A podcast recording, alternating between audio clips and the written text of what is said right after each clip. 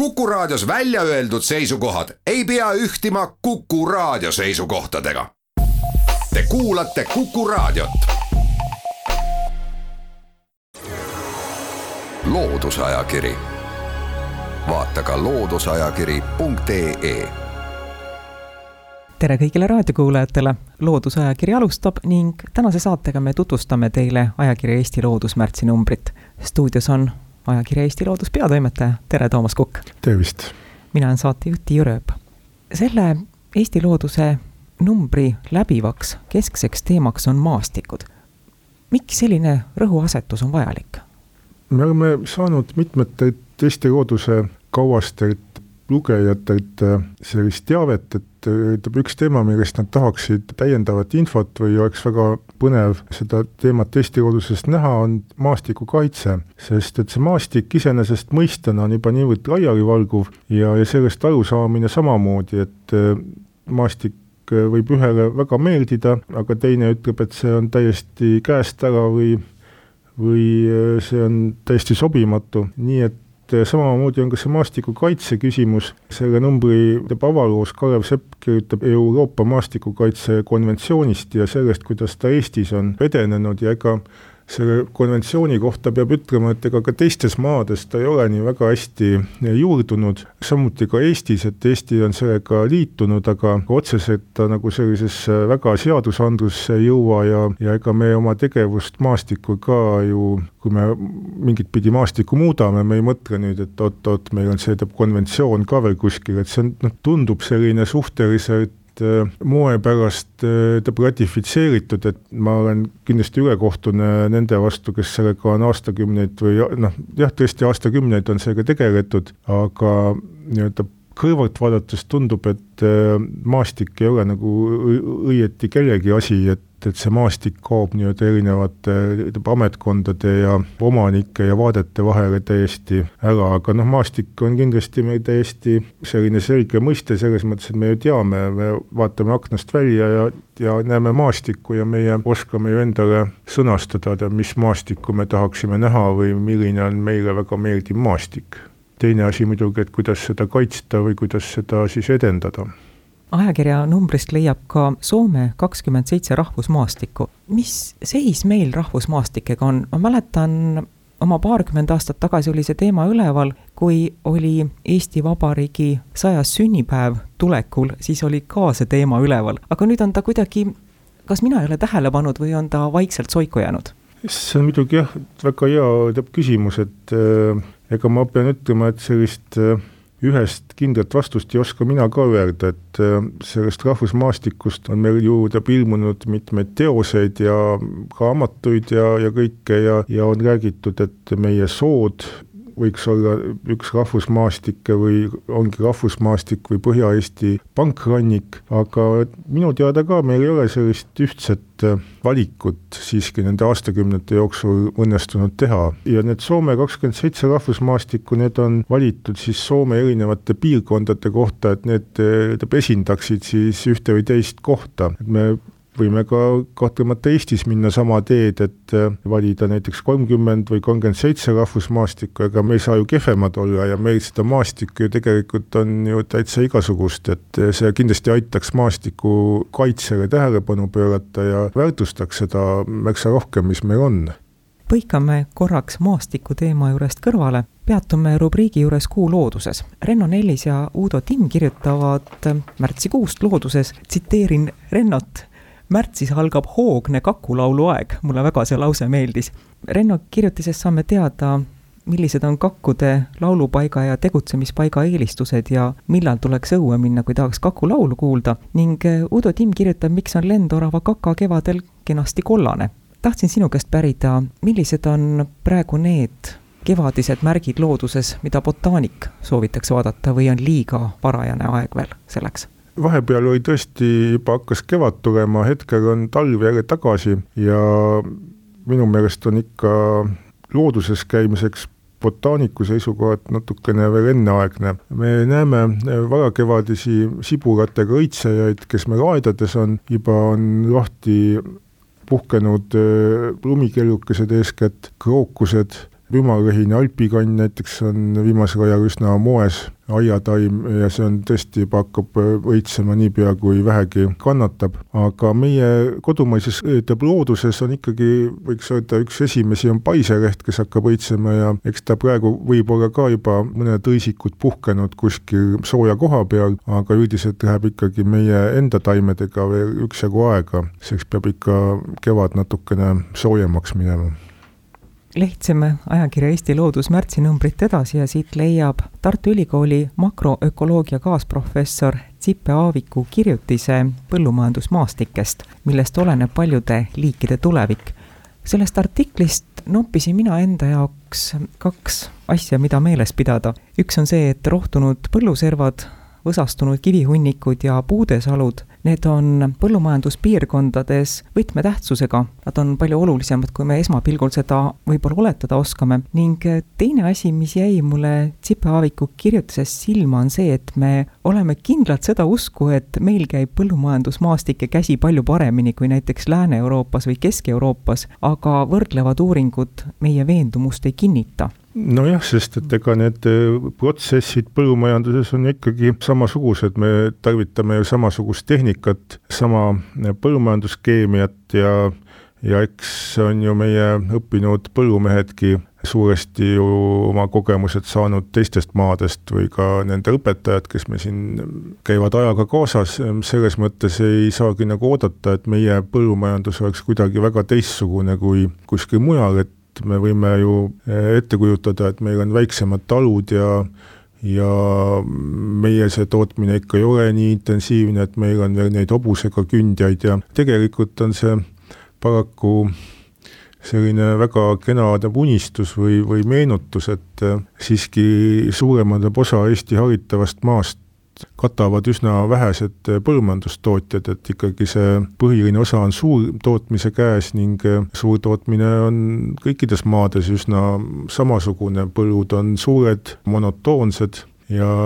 see ei, paraku ei sobi ei, ei näiteks siin tolmeldajatele ega ka nendele putukatele, kes teisi söövad, et sellest on siin ütleb ajakirjas ka juttu eraldi. Veel Peve Veromanni kirjutises, et mille mõte siis ongi just see, et millist kasu põllumees otseselt nendest põlluservadest ja ta heterogeensemast maastikust saab, et äh, sellised suured äh, põllude massiivid on kahjuks üsna eluvaesed ja selle tõttu tuleb siis ka rohkem kasutada igasuguseid äh, putukatõrjevahendeid ja muud, mida, mida võib-olla väiksemas tootmises oleks võimalik vältida. nii et igatahes on selle põllumajandusmaastikega meil päris palju arenguruumi, et meie ettekujutus, et, et me oleme ikkagi selline väga väga selline mahemaa, et mahetootjaid on meil tõesti üksjagu tulnud ja, ja neid võiks kindlasti rohkem olla, aga põhilise ikkagi annab väga, ütleb, intensiivne põllumajandus ja see tõesti ei erine väga Saksamaa omast, mistõttu ka meie põllulooduse mured on sama tüüpi nagu ütleb arenenud maades, kuhu me ju ikkagi püüame. meil on aeg teha jutuajamisse väike paus. loodusajakiri vaata ka looduseajakiri.ee. loodusajakiri on tagasi. kuku raadio stuudios on ajakirja Eesti Loodus peatoimetaja Toomas Kukk ja saatejuht Tiia Rööp. me jätkame ajakirja Eesti Loodus märtsinumbrist ülevaate tegemist rubriigis Tegutse teadlikult vahendab Martin Tikk soovitusi, mida silmas pidada, kui soovitakse droonifotosid teha. ütle, kui sa mõtled nüüd viimaste Eesti looduse fotovõistluste peale, kas sinna on hakanud ka tulema droonifotosid? jaa, ikka see suundumus on päris pikka aega, sest et äh, eriti alguses, kui see droonifotograafia meile jõudis, noh, mingi juba kümmekond aastat tagasi, ta ikkagi alguses nõudis päris suuri investeeringuid ja oskusi, praegu siit sellest artiklist selgub, et eh, sellise sobiva drooni, millega pildistada saab juba küllalt mõistliku hinnaga ka Eestist kätte ja, ja, ja see on niisugune peaaegu nagu igapäevakaup fotograafide jaoks, et me oleme mõelnud, et fotovõistlusel võiks täiesti droonifotode kategooria omaette olla, sest et on kaunis raske mm, panna ühe nii-öelda pulga peale õhus tehtud droonifotot ja siis kuskil onnis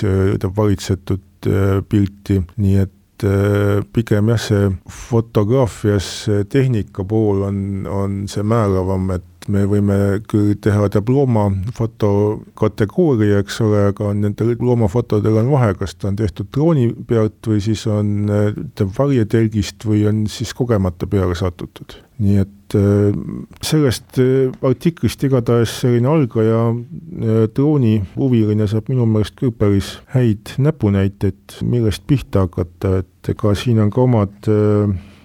piirangud kus seda drooni saab lennutada ja kuidas ja, ja noh, muidugi ka sellised kutseoskused ja ka kutse-eetika, et ega drooniga ei ole, teab ilmselt ikkagi kena metsloomi taga ajada ajaloolane Lauri Vahtre kirjutab muinasaegsest Padise maanteest. saan aru, et tema kirjutis saab veel jätku ka järgmises Eesti Looduse numbris. jaa, see kirjutis tõesti jätkub, praegu ta on alles jõudnud selle maantee valgusesse, ehk siis Jalase külla, millest aga tegelikult see tema kirjutis alguse sai, kus ta avastas siis või kuulis sellise pärimuse, kuidas ühest äh, õuest läheb äh, muinasaegne maantee läbi ja kui ta hakkas siis seda täpsemalt selgitama, siis tuli välja, et tõesti, see maantee on isegi tänapäevani suures osas äh, maastikuautoga sõidetav ja, ja ta on seda ka mingis osas, ta ise läbi sõitnud, nii et ma arvan, et see on päris huvipakkuv kirjutis just äh, ajaloosõpradele, aga, aga kindlasti ka neile, keda huvitavad näiteks looduses nähtavad märgid äh, muinasajast. Kui me lehitseme ajakirja Eesti Loodus märtsinumbrit edasi, siis me leiame siit geoloogide Kalle Suuroja ja Sten Suuroja kirjutise maailmamere kõige kaunimast meteoriidikraatrist, Läänemere pärlist Neugrundist. hästi põnev oli lugeda, kuidas see kraater avastati ja kuidas tõendati, et tegemist on tõesti meteoriidikraatriga jaa, selle kraatri seda nii-öelda merepõhja kuju või ütleb, kuidas ta seal põhjas on, seda nüüd tõesti nii lihtne ei ole looduses jälgida, et on vaja ikkagi ikkagi selleks eritehnikat, küll aga on maismaal mitmesuguseid äh, brändrahne või rahnusid, seda Dobretša äh, rahnud, mis on siis otseselt tekkinud selle plahvatuse tulemusena, neid võib äh, näha mitmel pool Loode-Eestis,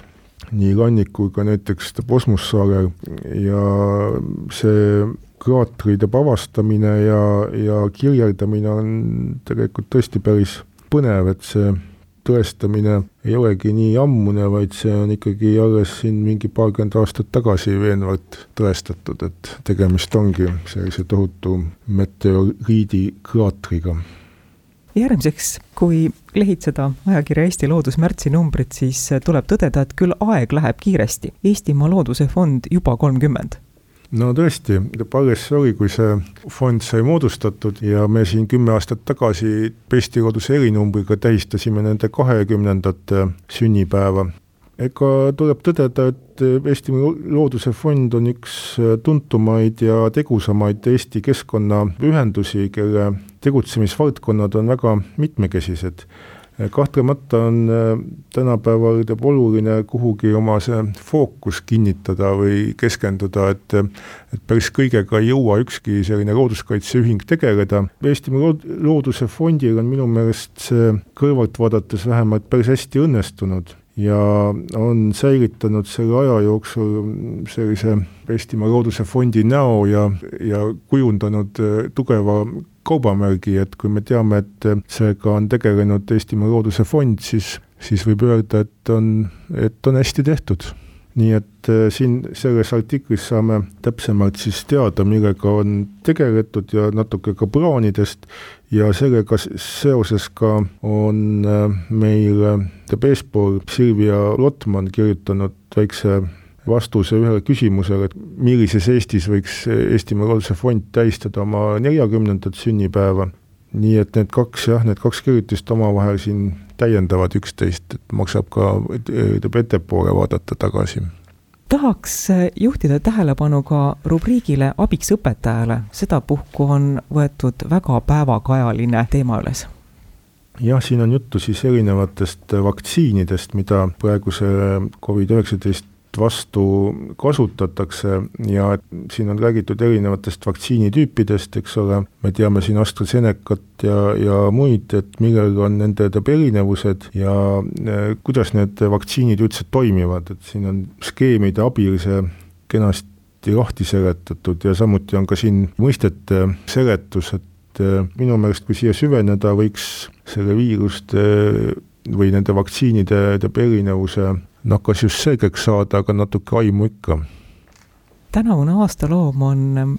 selline, kelle suhtes inimestel on kahetised arvamused, aga väga empaatiliselt ja minu meelest ka austusega kirjutab aastaloomast Rotist Andrei Miljutini ja ta ütleb ise, et ta kirjutab rottidest zooloogi pilguga. ka see lugu on ootamas vist järge järgmises ajakirjanumbris? tõesti, siin selles esimeses loos ta kirjutab rohkem rottide lähematest ja kaugematest äh, sugulastest ja ka nendest, kes võib-olla üldse ei olegi tegelikult hotid, aga kes oma